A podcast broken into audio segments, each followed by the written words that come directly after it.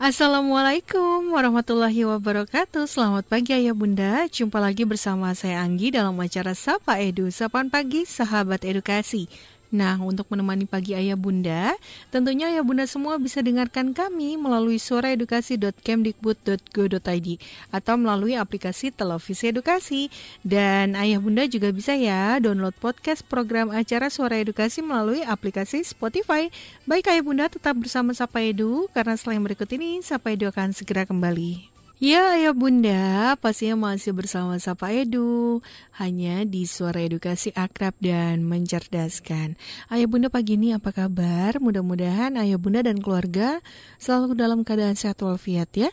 Dan pastinya nggak lupa juga nih, ayah bunda dan keluarga terus terapkan protokol kesehatan setiap harinya dengan memakai masker, menjaga jarak, mencuci tangan, menghindari kerumunan dan juga membatasi mobilitas ya ayah bunda. Patuhi 5M jika kita sayang diri sendiri dan juga keluarga. Nah, sambil mengisi waktu ayah bunda di pagi ini, sama-sama yuk ayah bunda dengarkan Sapa Edu dengan tema Membangun Literasi pada Anak Sejak Dini. Jadi tetap bersama Sapa Edu ya, dan untuk ayah bunda yang mau mendengarkan kami terus melalui streaming, bisa langsung klik aja di laman suaraedukasi.kemdikbud.go.id atau melalui aplikasi televisi edukasi. Ayah bunda, anak usia dini adalah masa terbaik ya dalam proses pembentukan karakter yang terpenting bagi seorang anak.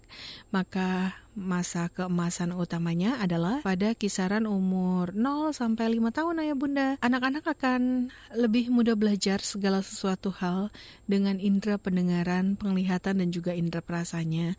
Dan di sinilah peran penting keluarga agar memastikan masa emas seorang anak bisa berlangsung secara maksimal. Jadi pendidikan pertama seseorang uh, anak ada di dalam keluarga, terutama bunda nih. Dan hal ini membuat keluarga mempunyai posisi yang sangat penting bagi perkembangan literasi seorang anak juga.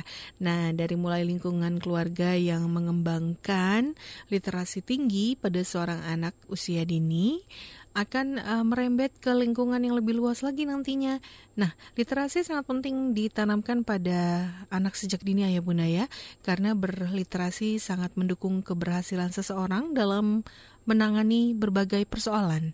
Melalui kemampuan literasi, seseorang tidak aja uh, memperoleh ilmu pengetahuan, tetapi juga bisa mendokumentasikan sepenggal pengalaman yang menjadi rujukan di masa yang akan datang. Jadi, budaya literasi mempunyai banyak manfaat ya, ayah bunda. Di antaranya itu menambah kosakata, kemudian dapat mengoptimalkan kerja otak anak, dapat menambah wawasan dan juga informasi baru, meningkatkan kemampuan interpersonal, mempertajam diri dalam uh, menangkap makna dari suatu informasi yang sedang dibaca misalnya atau bisa juga mengembangkan kemampuan verbalnya ya Bunda. Dan kemudian dapat melatih kemampuan berpikir dan juga menganalisa dapat meningkatkan fokus dan konsentrasi seorang anak, melatih dalam hal menulis dan juga merangkai kata-kata yang bermakna. Wah, manfaatnya sangat luar biasa sekali ya ya Bunda. Nah, setelah berikut ini sama-sama ya Bunda kita bahas terkait tentang bagaimana sih membangun literasi pada anak sejak dini. Jadi tetap bersama kami dalam acara Sapa Edu. Kembali bersama Sapa Edu, hanya di Suara Edukasi Akrab dan Mencerdaskan. Ayah Bunda bicara tentang gimana sih caranya mengembangkan literasi pada anak sejak dini gitu ya.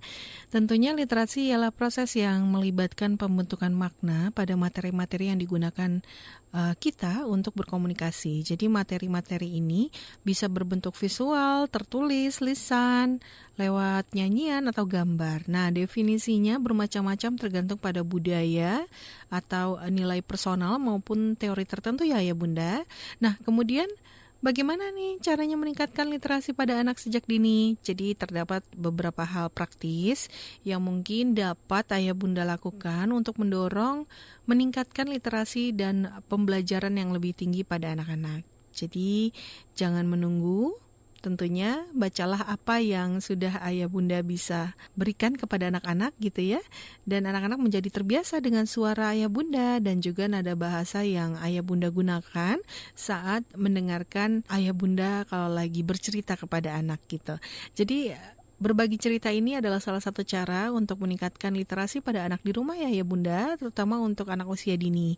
Berbagi cerita saat makan bersama misalnya atau berilah pertanyaan-pertanyaan juga misalnya apa yang udah dilakuin hari ini begitu ya atau mungkin mencari pertanyaan yang jawabannya nggak cuma iya atau enggak jadi dipanjangin gitu pertanyaannya Bunda ya. Contohnya gini, hari ini kamu udah melakukan apa aja? Nah, otomatis kan jawabannya pasti panjang ya. Misalnya aku hari ini main ini, hari ini aku sudah melakukan ini ini ini ini. Wah, itu dia salah satu pancingan juga sih ya ya Bunda ya, supaya anak-anak kita bertambah kosakatanya, bahasanya begitu.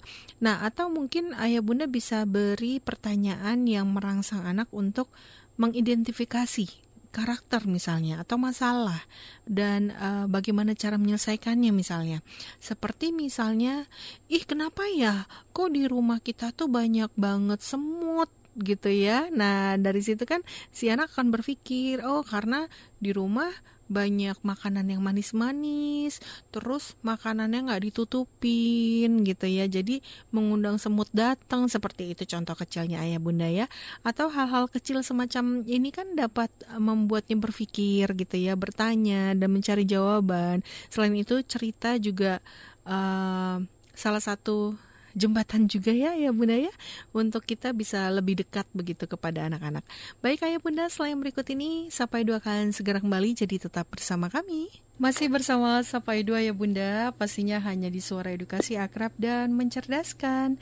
Dan ayah bunda bicara tentang gimana sih caranya membangun literasi pada anak usia dini gitu ya. Tentunya sebagian besar dari kita mungkin masih banyak yang menganggap kemampuan literasi ini sebagai kemampuan membaca uh, aja gitu ya. Padahal ternyata kemampuan literasi ini dapat menjangkau hal yang lebih luas dari sekedar membaca loh ayah bunda. Jadi, meningkatkan kemampuan literasi pada anak tidak hanya untuk membantu kemampuan membaca dan menulis, tapi juga untuk belajar mengenal kata, bahasa, mengenali dan memahami berbagai ide atau informasi yang disampaikan baik dari buku, suara, video, dan sumber informasi lainnya. Nah, untuk itu saat ini kami sudah bersama Bapak Hairudin. Beliau merupakan Duta Rumah Belajar 2019. Halo, Assalamualaikum. Selamat pagi, Pak. Halo, Assalamualaikum. Selamat pagi. Iya, gimana kabarnya Pak Hairudin? Alhamdulillah baik. Alhamdulillah. Jadi mohon maaf ya kalau suara-suara ribut karena ya, saya siap, sedang Pak. Iya, baik, Pak. Baik. Pak Hairudin, sebelum kita lanjut ke pembahasan kita pada hari ini, boleh memperkenalkan diri terlebih dahulu. Uh, mungkin Bapak mengajar di mana begitu, silakan Pak. Baik, terima kasih Kak Anggi ya. ya. Jadi izin memperkenalkan diri. Saya Hairudin, guru dari Kota Parepare ya, tepatnya di UPTD DNP 1 Parepare, iya. Selatan. Baik Pak Herudin. Hari ini sedang ada kegiatan kah Pak di sekolah Bapak? Iya, jadi hari ini pas kegiatan gladi ANBK ya hari terakhir Oke, ya mudah-mudahan berjalan dengan lancar acaranya ya Pak ya. Dan bicara tentang cara membangun literasi nih Pak, pada anak sejak dini tentunya kita juga harus menjadi contoh yang terbaik gitu sebagai orang tua. Karena biasanya anak itu kan akan meniru apa yang orang tua lakukan gitu ya. Nah untuk membangun budaya literasi dalam keluarga, ayah bunda juga dapat memulai dari hal yang terkecil ya ayah bunda, misalnya meluangkan waktu untuk membacakan buku cerita pada anak-anak di rumah. Nah Pak bicara tentang literasi nih apa sih yang dimaksud dengan kemampuan literasi itu, Pak? Iya. Jadi kalau menurut saya pribadi sih literasi itu bagaimana atau kemampuan seseorang ya dalam mengolah hmm. informasi, Kang Mm-hmm. Jadi uh, mengolah informasi dan menerima informasi. Jadi tidak sekedar hanya membaca, mendengar. Yeah. Jadi bisa juga uh, apa namanya dalam prosesnya itu bisa melihat. Jadi kalau untuk khususnya untuk anak usia dini ya. Yeah jadi mereka kalau sedang melihat sesuatu kemudian memaknai sesuatu yang dilihat itu, itu sudah tergolong uh, termasuk dari hmm. bagian literasi kalau menurut saya. Iya. Jadi bagaimana anak-anak uh, mengolah informasi apa yang mereka lihat, apa yang mereka baca, apa yang mereka dengar mereka lakukan. Hmm. Baik. Iya baik. Jadi memang sangat penting sekali ya ayah bunda membudayakan literasi dalam keluarga kita dari hal yang terkecil aja dulu. Kan kalau anak usia dini itu belum bisa membaca ya. Jadi mungkin ayah bunda bisa meluangkan waktu untuk membacakan buku cerita gitu, dongeng-dongeng kesukaan anak-anak. Nah dari situ kan anak-anak akan terbiasa gitu, uh, apa terbiasa mendengar suara dari orang tuanya, terus nada bicaranya. Nah dari situ juga anak akan belajar kosakata baru, bahasa, begitu ya Pak ya kurang lebihnya ya. Nah uh, sebaiknya sejak usia berapa sih Pak anak bisa diperkenalkan dengan kegiatan membaca, menulis atau kegiatan literasi lainnya Pak? Ya kalau saya pribadi ini ya Mbak, mm -hmm. uh, Kanggi, Uh, jadi sebenarnya waktu diajak ini waktu diajak untuk membahas kegiatan apa namanya uh, literasi ya budaya literasi untuk mm -hmm. anak usia dini saya sebenarnya sih tiba tiba nah ini ya latar belakang pendidikan terkait dengan uh, ini untuk materi ini mm -hmm. tapi saya uh, menerima pengalaman kan Iya berdasarkan jadi saya punya juga anak uh, jadi nanti lebih ke sharing ya Kang ya. ya. Jadi uh, bagaimana pengalaman saya dalam ini uh, karena saya juga punya anak mm-hmm. laki ya saat ini punya sudah tiga tahun. Mm-hmm. Nah kalau kemudian ditanya sejak kapan bisa dimulai anak usia dini itu kan pengertiannya anak sebe- uh, prasekolah ya atau sebelum sekolah. Yeah. Jadi umur dari 0 sampai 6 tahun itu sebenarnya kita sudah bisa mulai membiasakan anak-anak itu untuk uh, berliterasi walaupun yeah. sebenarnya uh, kita berikan hanya konsep-konsep sederhana tidak mm-hmm. perlu dipaksakan. Betul. Betul. Iya baik. Ya sekali lagi kita di sini uh, sharing ya ayah bunda kita ngobrol bareng gitu terkait bagaimana sih caranya menerapkan atau membangun literasi dalam keluarga begitu ya. Apalagi Bapak Hairudin ini kan basicnya sudah punya putra gitu ya, jadi bisa berbagi lah ya. Nah untuk ayah bunda yang mungkin mau berbagi silakan bisa di kolom komentar ya. Mungkin ayah bunda punya cara-cara tertentu untuk membangun literasi dalam keluarga atau bunda punya pengalaman seru gitu menarik caranya membangun literasi dalam keluarga silakan bisa langsung di kolom komentar kami ya Baik, tentunya ayah bunda di rumah juga kan pola asuhnya berbeda-beda setiap keluarga gitu ya. Setiap anak juga pastinya karakternya berbeda-beda. Tentunya di sini kita juga harus melihat karakter dari anak-anak kita begitu ayah bunda ya. Bagaimana karakternya, cara pendekatannya pasti berbeda-beda di setiap keluarga. Cara pola asuhnya juga berbeda-beda. Jadi sebaiknya kita di sini uh, sebagai orang tua berusaha terus gitu ya untuk menjadi orang tua yang mau belajar gitu untuk jadi yang lebih baik lagi untuk anak-anak kita begitu. Baik Pak, apa saja yang harus dipersiapkan oleh orang tua nih Pak untuk mengembangkan kemampuan literasi pada anak sejak dini Pak? Silakan.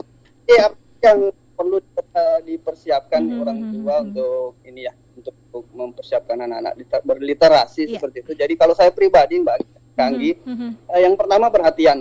Oke. Okay. Jadi anak itu memang orang tua itu harus berikan perhatian khusus untuk anak kita, apalagi ini dan yang kedua waktu. Mm-hmm. Jadi kita harus meluangkan waktu uh, menemani anak-anak. Jadi jangan sekedar meminta anak-anak untuk membaca, mm-hmm. meminta anak-anak untuk tapi cuma sekedar diminta tidak ditemani. Jadi itu perlu sangat sangat penting untuk menemani. Kalau untuk kita sesibuk apa pun itu lakukan waktu untuk uh, menemani anak-anak kita belajar.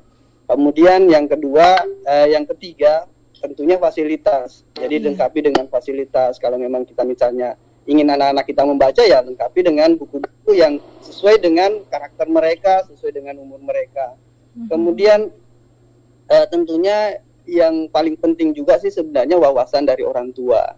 Yeah. Jadi sebelum mengajarkan anak-anak literasi, orang tuanya perlu juga berliterasi supaya uh, ada wawasan, yeah. tidak uh, dalam membimbing anak-anak itu bisa lebih luas wawasannya. Betul. itu, Pak. Iya, jadi kita harus menjadi contoh dulu untuk anak-anak kita ya, Pak ya. Kalau kita ingin anak-anak kita um, dapat mengembangkan literasinya tentunya kita juga harus membudayakan literasi di rumah begitu ya Pak ya. Ini sangat menarik sekali Ayah Bunda ya. Karena memang uh, tanpa kita sadar gitu ya, waktu yang sudah kita uh, apa berikan kepada anak-anak itu sangat berharga sekali bagi mereka apalagi untuk Ayah Bunda yang bekerja. Jadi luangkanlah waktu begitu Ayah Bunda mungkin bisa di Sabtu Minggu atau mungkin uh, ketika Ayah Bunda pulang bekerja ya sedikit aja waktu untuk uh, bermain bersama anak atau melakukan kegiatan literasi misalnya seperti bercerita begitu ya. Nah, Pak mengapa ya kemampuan literasi pada anak perlu dikembangkan sejak dini, Pak? Mungkin Bapak uh, punya pengalaman begitu ya, karena uh, kita ingin anak-anak kita membudayakan literasi. Kenapa ini harus dilakukan sejak dini? Silakan. Ya, jadi kenapa sejak dini anak-anak itu perlu di, dikenalkan dengan yang namanya literasi? Karena uh, kita merujuk kita merujuk ke uh, karakteristik anak hmm Ya, jadi karakteristik anak ada beberapa memang di situ yang uh, bisa kita manfaatkan dari karakteristik anak secara umum walaupun sebenarnya uh, karakteristik anak itu tetap pastinya berbeda-beda dan tidak berlaku untuk semua anak. Mm-hmm. Tapi secara umum beberapa karakteristik anak itu mendukung untuk diajarkan uh, literasi lebih dini. Yang misalnya mm-hmm. contohnya anak-anak usia apa di uh, usia dini itu perkembangan kemampuan otaknya itu perkembangannya sangat pesat. Mm -hmm. Jadi dia pada masa uh, potensialnya atau bisa disebut dengan golden age ya. Yeah. Jadi memang uh, daya tangkapnya itu luar biasa. Mm -hmm. Jadi kemudian anak-anak di usia dini itu juga memiliki rasa ingin tahu yang lebih yang tinggi. Yeah. Nah itu kita bisa manfaatkan menggiring atau mengarahkan anak-anak kita untuk berliterasi. Yeah. Dan yang ketiga anak-anak itu imajinasi. Mm -hmm. Nah jadi kita lihat anak uh, berbicara kadang seperti ngada-ngada padahal mereka sedang ini berimajinasi, makanya dari dari kemampuan tersebut dari karakteristik tersebut kita kita coba fasilitasi agar apa yang mereka bayangkan itu bisa terwujud dalam seperti itu Kang. Iya baik, ini sangat menarik ya ya Bunda ya. Memang kita harus terus belajar, belajar dan belajar menjadi orang tua yang lebih baik lagi. Jadi kenapa uh, sejak dini? Karena memang benar masa emas itu tidak bisa terulang lagi gitu ya. Jadi manfaatkan momen bersama anak-anak uh, di masa-masa emas anak-anak kita ya Bunda gitu ya. Banyak sekali pembelajaran yang bisa kita berikan kepada anak-anak kita. Salah satunya adalah uh, tentang budaya literasi ini. Baik, Terima kasih banyak kepada sahabat edukasi yang sudah bergabung di live IG kami. Ada Mifta, terus ada Agus Mono 17, ada juga Istit 1751, ada Sandra, ada Asep, ada juga Dani, Ayunita. Selamat bergabung, ada Sakinah juga, ada dan masih banyak lagi yang lainnya ya. Terima kasih banyak sudah bergabung di live IG kami. Silakan yang mau bertanya, mungkin mau sharing juga kepada uh, Bapak Hairudin. Silakan bisa langsung di kolom komentar kami. Dan kita jeda sejenak dulu ya Pak Hairudin. Nanti kita lanjutkan lagi dan setelah yang berikut ini Sapa Edu akan segera kembali. Masih bersama Sapa Edu hanya di Suara Edukasi Akrab dan Mencerdaskan. Dan kita masih bersama Bapak Hairudin. Beliau merupakan Duta Rumah Belajar 2019 dari Sulawesi Selatan. Baik, literasi merupakan sebuah kemampuan dan keterampilan yang dimiliki seseorang dalam membaca, menulis, menghitung, sampai memecahkan sebuah permasalahan dalam kehidupan sehari-hari. Untuk meningkatkan kemampuan literasi pada anak, tentunya orang tua dapat memudayakan membaca dalam keluarga sejak dini. Nah, Pak, masih semangat ya bersama Sapa Edu hari ini? Iya, dan terima kasih banyak kepada sahabat edukasi yang sudah bergabung. Dan untuk sahabat edukasi yang baru saja bergabung, silakan yang mau berbagi atau mau sharing ya, mungkin punya pengalaman uh, tentang cara membangun literasi kepada anak usia dini, silakan bisa langsung di kolom komentar kami. Baik Pak Hairudin, selain keluarga nih Pak, faktor apa yang dapat meningkatkan kemampuan literasi pada anak sih Pak? Iya Kanggi, jadi selain keluarga ya, mm-hmm. tentunya sebenarnya yang berpengaruh ke anak itu adalah lingkungan. Mm-hmm. Apakah itu benda-benda yang sekitarnya, atau mungkin orang-orang di luar keluarga, atau mm-hmm kebiasaan-kebiasaan yang mereka lihat di lingkungan sekitarnya. Yeah. Jadi itu itu yang sangat berpengaruh bagaimana nanti minat literasi anak-anak itu bisa berkembang. Kalau misalnya mm-hmm. uh, di lingkungannya itu kebanyakan menggunakan uh, gadget, mm-hmm. nah nanti anak-anak juga akan terpengaruh ke situ. Jadi uh, memang yang yang paling sebenarnya berperan adalah lingkungan yang ada di dekat anak-anak kita semua. Jadi apa pun yang ada di lingkungan itu yang akan dicontoh gitu Kanggi. Bahkan sebenarnya kan orang Pak yang jarang dekat dengan anaknya kan biasa ada banyak ya orang tua yang sibuk yang mm -hmm. akhirnya nanti ketemu malam hari.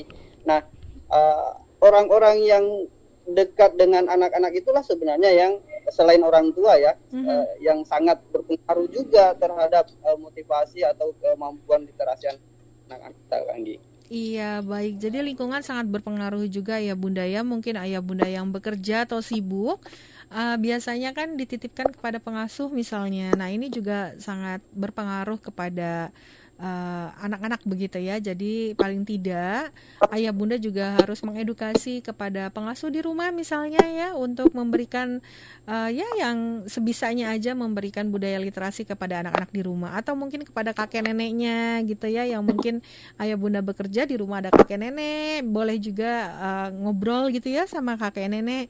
Kapan-kapan si kecil boleh dibacakan buku cerita atau dibiasakan dengan buku cerita begitu ya. Yang sederhana aja dulu kegiatan literasinya. Yang penting anak-anak bisa terbiasa begitu ayah bunda ya. Dan pastinya uh, mengajarkan anak gitu ya tentang budaya literasi ini banyak sekali manfaatnya ayah bunda gitu ya mungkin dari pengalaman bapak Hairudin apa aja sih pak manfaat mengenalkan literasi pada anak sejak dini pak silakan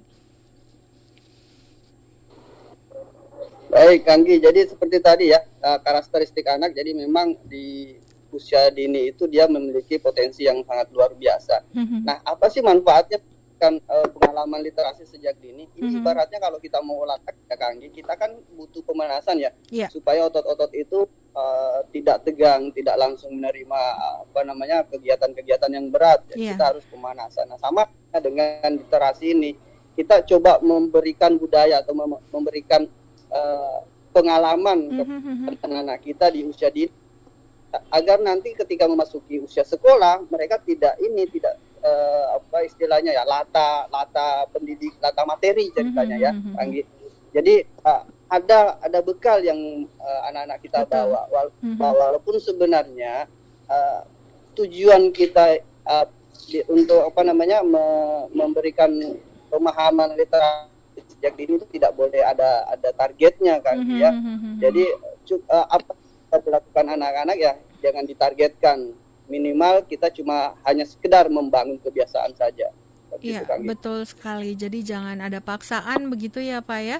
Karena pada dasarnya anak-anak itu dunianya masih bermain begitu. Jadi kita uh, bisa menyesuaikan dengan kegiatan sehari-hari anak-anak, misalnya sambil bermain, bisa sambil mengenalkan angka-angka, huruf begitu atau sambil bernyanyi. Karena anak-anak suka banget sama yang namanya bernyanyi gitu ya. Nah, dari sini juga sebenarnya mengajarkan atau membangun literasi sejak dini begitu ya. Baik, Pak uh, dari salah satu sumber mengatakan bahwa anak usia dini tidak boleh dipaksakan untuk belajar membaca, menulis dan berhitung karena memang usia PAUD dan TK berkonsep belajar sambil bermain. Tapi faktanya SD sekarang ini kalau mau masuk SD itu targetnya adalah anak-anak harus bisa membaca. Nah, bagaimana tanggapan Bapak terkait dengan hal tersebut, Pak? Silakan. Iya, Kaki. Memang kalau ada ada kata-kata memaksakan ya memang sebenarnya itu betul. Kita mm-hmm. tidak boleh memaksakan anak-anak mampu membaca mm-hmm. di usia dini karena yeah. uh, memaksakan anak-anak itu memang tidak bisa. Mm-hmm. Tapi yang seperti saya sampaikan bahwa kita memang di sini targetnya hanya pembiasaan. Bagaimana anak-anak itu biasa kemudian suka dengan atau gemar dengan kegiatan literasi. Mm-hmm. Nah, saya sendiri nih Kang Gisa ini anak saya umurnya sekarang tiga tahun. Mm-hmm. Di umur dua tahun pada saat umur dua tahun anak-anak anak saya itu sudah hafal, sudah tahu itu huruf A sampai Z, oh, kemudian satu sampai sepuluh mm-hmm. dan buah-buahan mm-hmm. itu yang saya berikan kan waktu umur itu saya berikan buku KG.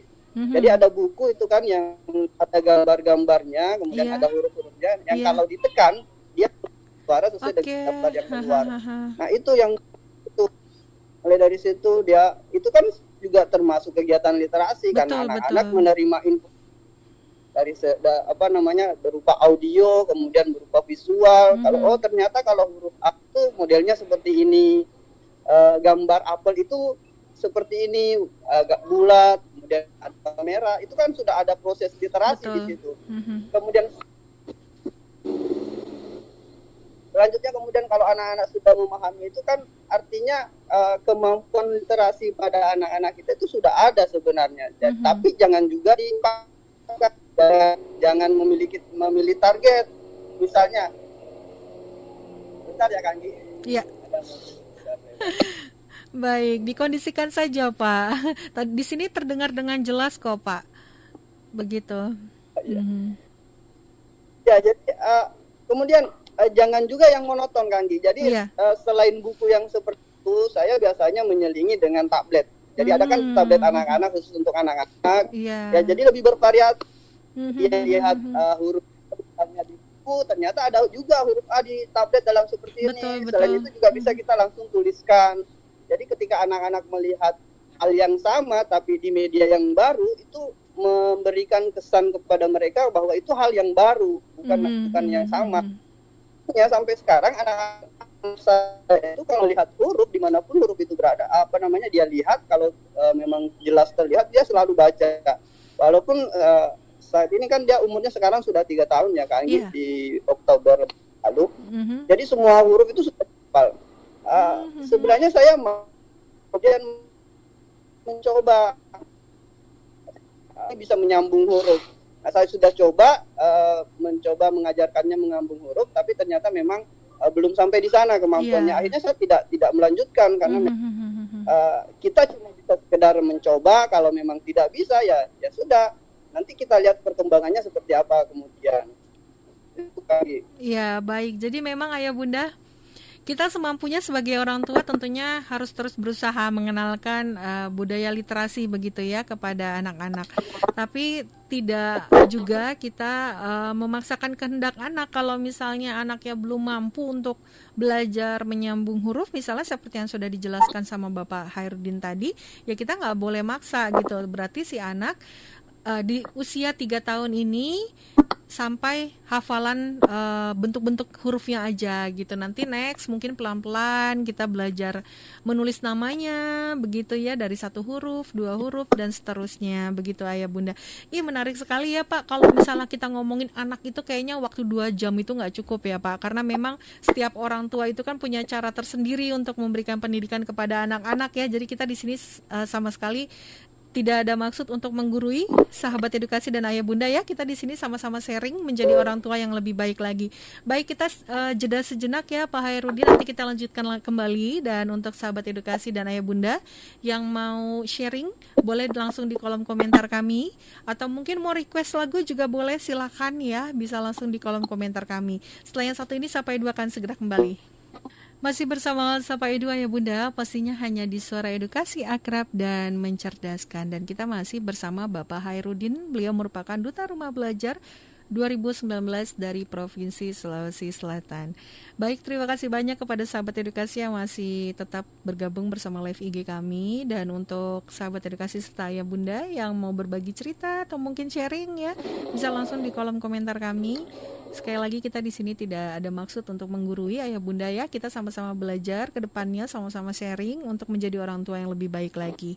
Nah, bicara tentang literasi atau mengembangkan budaya literasi atau membiasakan budaya literasi dalam keluarga, tentunya mengembangkan kemampuan literasi pada anak sejak dini dapat menjadi modal yang baik bagi anak dalam menghadapi masa mendatang loh ayah bunda. Bagaimana dengan tanggapan uh, berikut Pak? Silakan. Iya benar sekali Mbak Anggi. Mm-hmm.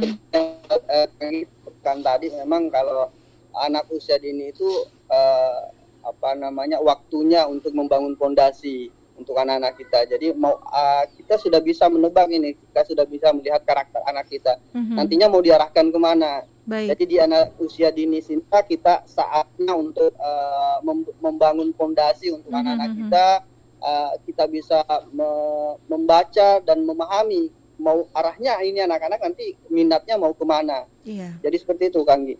Baik, jadi selain kita uh, apa mengajarkan anak-anak begitu tentang budaya literasi, bonusnya adalah kita bisa tahu bakat dan minat anak-anak kita ya Pak ya.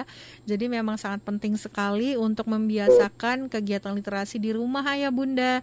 Nah Pak mungkin bisa sedikit cerita nih, apalagi di uh, saat seperti sekarang ini kita masih belum normal ya masuknya masih melakukan tatap muka terbatas begitu ya apa yang Bapak lakukan gitu kepada siswa-siswa Bapak gitu ya untuk uh, supaya gitu ya kegiatan literasi ini tetap bisa dilaksanakan walaupun uh, jarak jauh begitu. Silakan.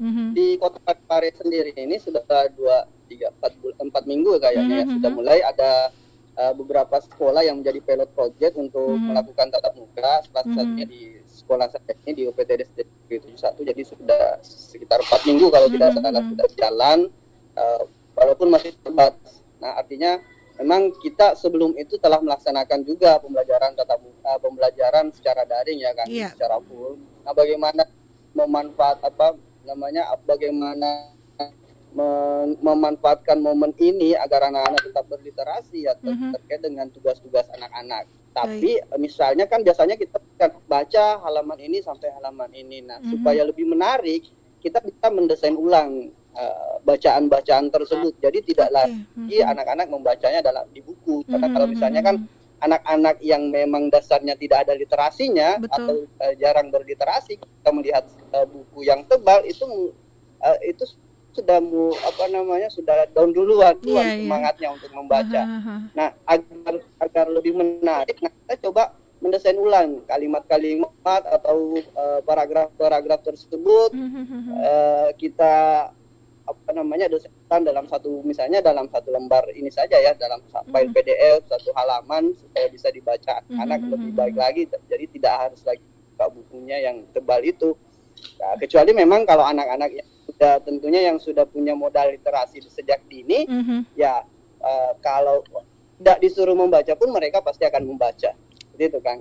Baik, nah ini menarik ya, ayah bunda memang uh, menjadi seorang guru itu nggak mudah gitu ya, apalagi di masa pandemi seperti sekarang ini. Kita harus kreatif ya Pak ya, harus mempunyai ide-ide gitu supaya anak-anak kita bisa tetap semangat ikut belajarnya walaupun jarak jauh. Salah satunya seperti yang sudah Pak Herudin lakukan adalah membuat PDF. Jadi dari buku dipindah ke PDF, didesain semenarik mungkin supaya si anak atau siswa-siswi mau membaca gitu ya. Betul kata Pak Hairudin untuk uh, siswa-siswi atau anak-anak yang memang literasinya kurang itu melihat buku itu udah aduh kayaknya udah serem duluan gitu ya. Padahal kan isinya belum tentu. Jadi uh, di kemasannya kita ganti atau kita rubah menjadi PDF yang menarik. Ini mungkin bisa memotivasi anak-anak untuk mau gitu ya membaca materi-materi yang diberikan oleh Bapak Ibu guru begitu. Nah, Pak, menurut pengalaman Bapak nih, biasanya faktor apa sih yang membuat siswa-siswi tidak suka dengan kegiatan membaca gitu, Pak? Silakan.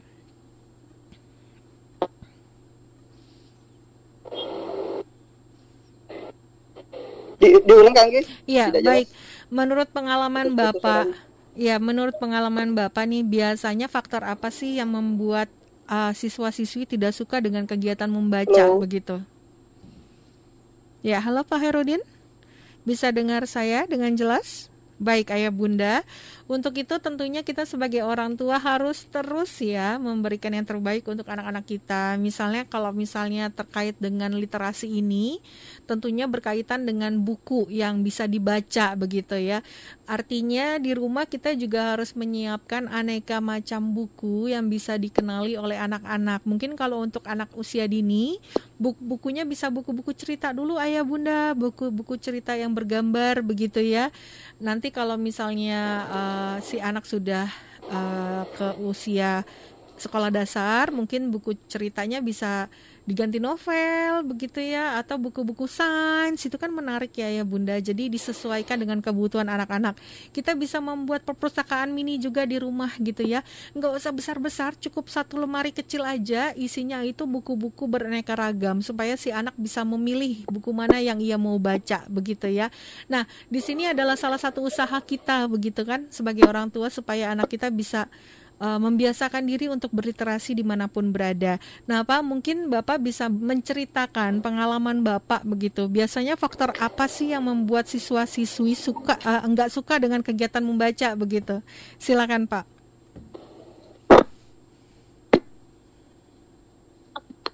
Ya, Pak Hairudin bisa dengar suara saya dengan jelas, Pak Hairudin? Halo, Kang Ji. Iya, bisa. tadi bisa diulang? Masih putus, Iya, baik. Mungkin Iya, Pak Herudin mungkin bisa menceritakan faktor apa sih yang membuat siswa-siswi gitu biasanya yang nggak suka membaca gitu? Oh ya siap. Mm -hmm.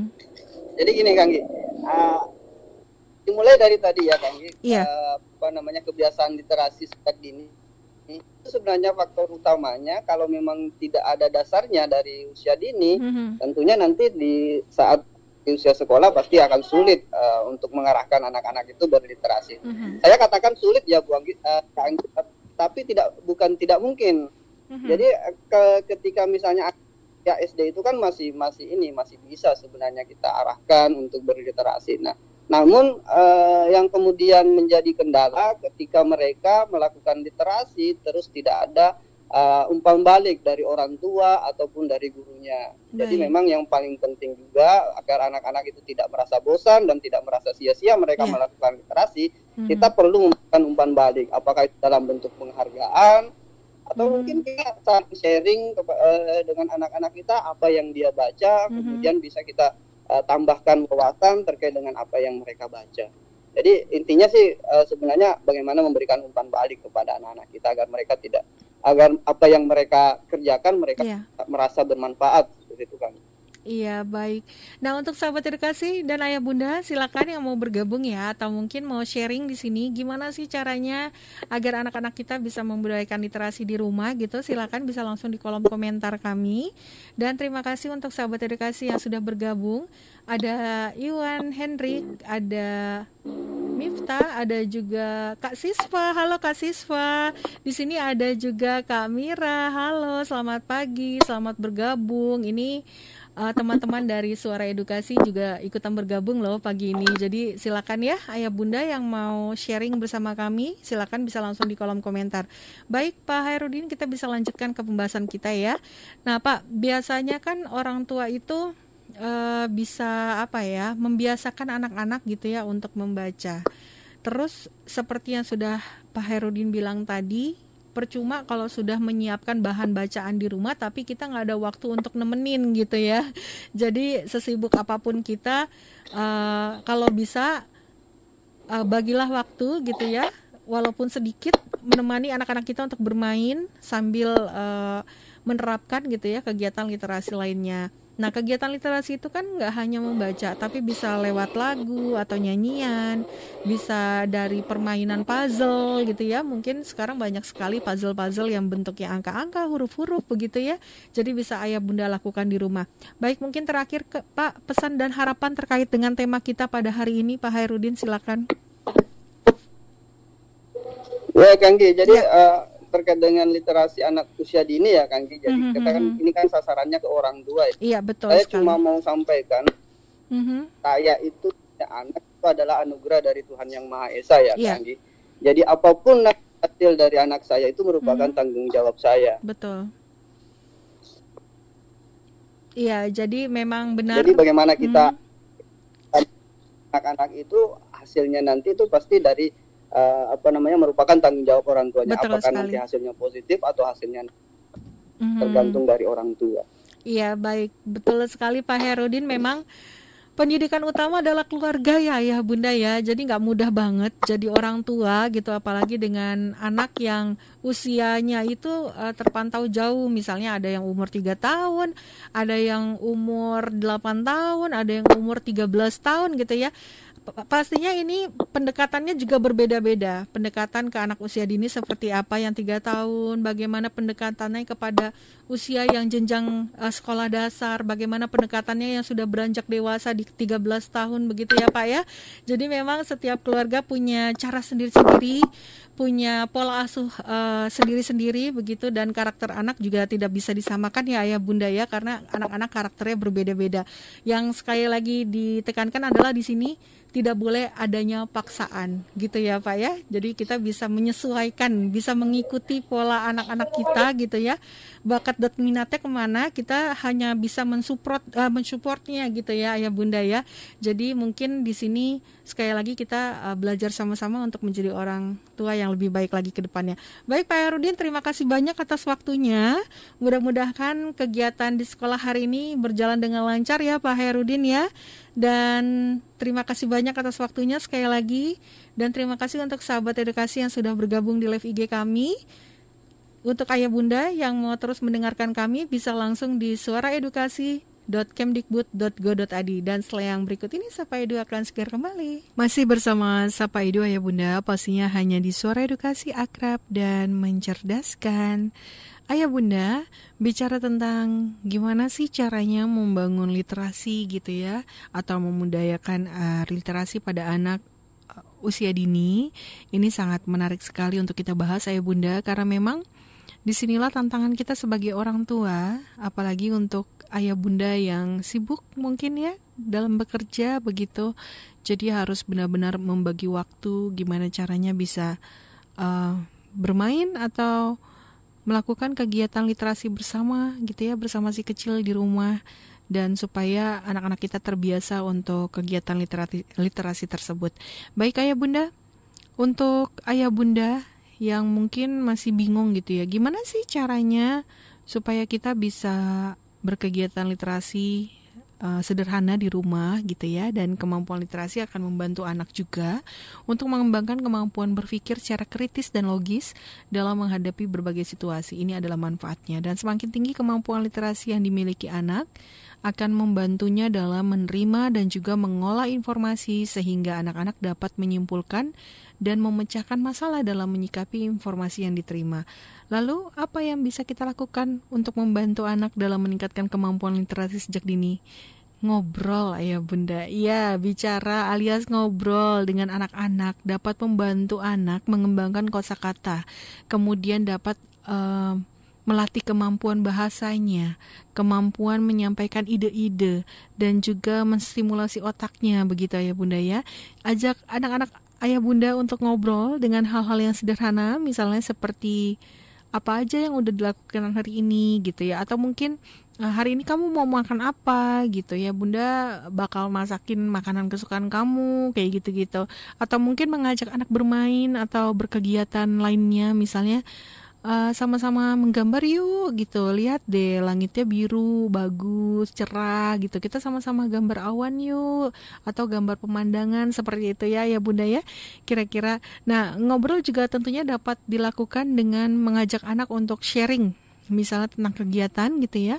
Atau mungkin apa yang mereka rasakan saat ini apakah lagi senang, bahagia, atau mungkin sebaliknya, kenapa terlihat uh, sedih begitu ya? Jadi ngobrol lah, ngobrol apa aja, bisa dengan uh, sambil bermain, bisa sambil makan siang gitu ya bisa diselipkan ketika si anak sedang belajar juga boleh biar belajarnya juga nggak bosan-bosan amat. Seperti yang kita tahu kan kalau anak usia dini itu kan cepet bosan ya ayah bunda ya moodnya juga wah turun naik banget gitu. Jadi kita memang benar-benar harus bisa melihat kondisi anak-anak kita gitu ya di mana kalau misalnya lagi bete tiba-tiba lagi mood belajarnya turun. Wah ini adalah tugas kita nih ayah bunda. Gimana caranya supaya moodnya bagus lagi gitu ya? Mungkin diselang, diselingi dengan uh, mengajak anak mengobrol ini adalah cara yang bagus gitu ya. Baik ayah bunda selain berikut ini Sapa Edu akan segera kembali. Jadi tetap bersama kami dalam acara Sapa Edu masih bersama Sapa Edu Ayah Bunda, pastinya hanya di suara edukasi akrab dan mencerdaskan. Ayah Bunda, ada beberapa hal yang dapat Ayah Bunda lakukan untuk membangun literasi pada anak sejak dini. Tadi sudah kita bahas ya, ngobrol. Wah, ini adalah kegiatan yang sangat sederhana, tapi ternyata ini bisa membangun literasi pada anak begitu. Nah, kemudian ayah bunda bisa melakukan kegiatan lainnya yaitu membacakan dongeng untuk anak. Membaca dongeng untuk anak secara rutin akan membantu anak untuk mendengar dan melihat atau uh, belajar kosakata baru yang mungkin belum pernah diketahuinya. Luangan waktu nggak usah lama-lama sekitar 5 sampai 10 menit gitu menjelang tidur misalnya untuk membacakan dongeng. Ceritakan dongeng dengan bersuara dan tentunya hal ini akan membantu anak untuk mengenal bunyi kata-kata uh, gitu ya atau suara dan juga nada bahasa yang ayah bunda ucapkan. Wah ini menarik ya ayah bunda. Jadi nggak perlu khawatir untuk ayah bunda yang sibuk bekerja, ayah bunda juga bisa melakukan kegiatan literasi bersama si anak yaitu dengan membacakan dongeng dan luangkan waktu sekitar 5 sampai 10 menit untuk membacakan dongengnya. Kemudian bermain peran storyteller juga menarik ya ya Bunda. Ajak anak untuk bermain peran ayah bunda dapat menjadi storyteller dan juga anak menjadi pendengarnya. Gunakan cerita yang mengandung kosakata baru yang mungkin belum dikenal oleh anak-anak saat mengobrol sehari-hari. Seperti misalnya nama-nama bunga, nama-nama hewan gitu ya ya bunda ya. Dan bila usia anak sudah cukup besar, ajak anak juga untuk bergantian peran menjadi pendongeng sedangkan ayah bunda dapat menjadi pendengarnya begitu. Dan pastikan untuk mengajukan pertanyaan sederhana saat sedang bercerita misalnya seperti uh, menurut kakak atau adik gitu ya uh, sebaiknya anak laki-laki ini harus naik bus yang mana misalnya gitu. Atau mungkin uh, kalau dari cerita tadi si kancil itu punya sifat apa ya? Kayak gitu-gitu ya ya bunda. Hal ini akan membantu anak menjadi kreatif melatih kemampuan bicara juga dan juga kemampuannya dalam memahami situasi. Wah menarik ya ya bunda ya. Ayah bunda sampai di sini dulu ya perjumpaan kita dalam acara Sapa Hidup dan semoga apa yang sama-sama kita bahas hari ini dapat bermanfaat untuk kita semua. Dan akhir kata saya ucapkan terima kasih atas perhatiannya. Mohon maaf jika ada salah-salah kata. Wassalamualaikum warahmatullahi wabarakatuh.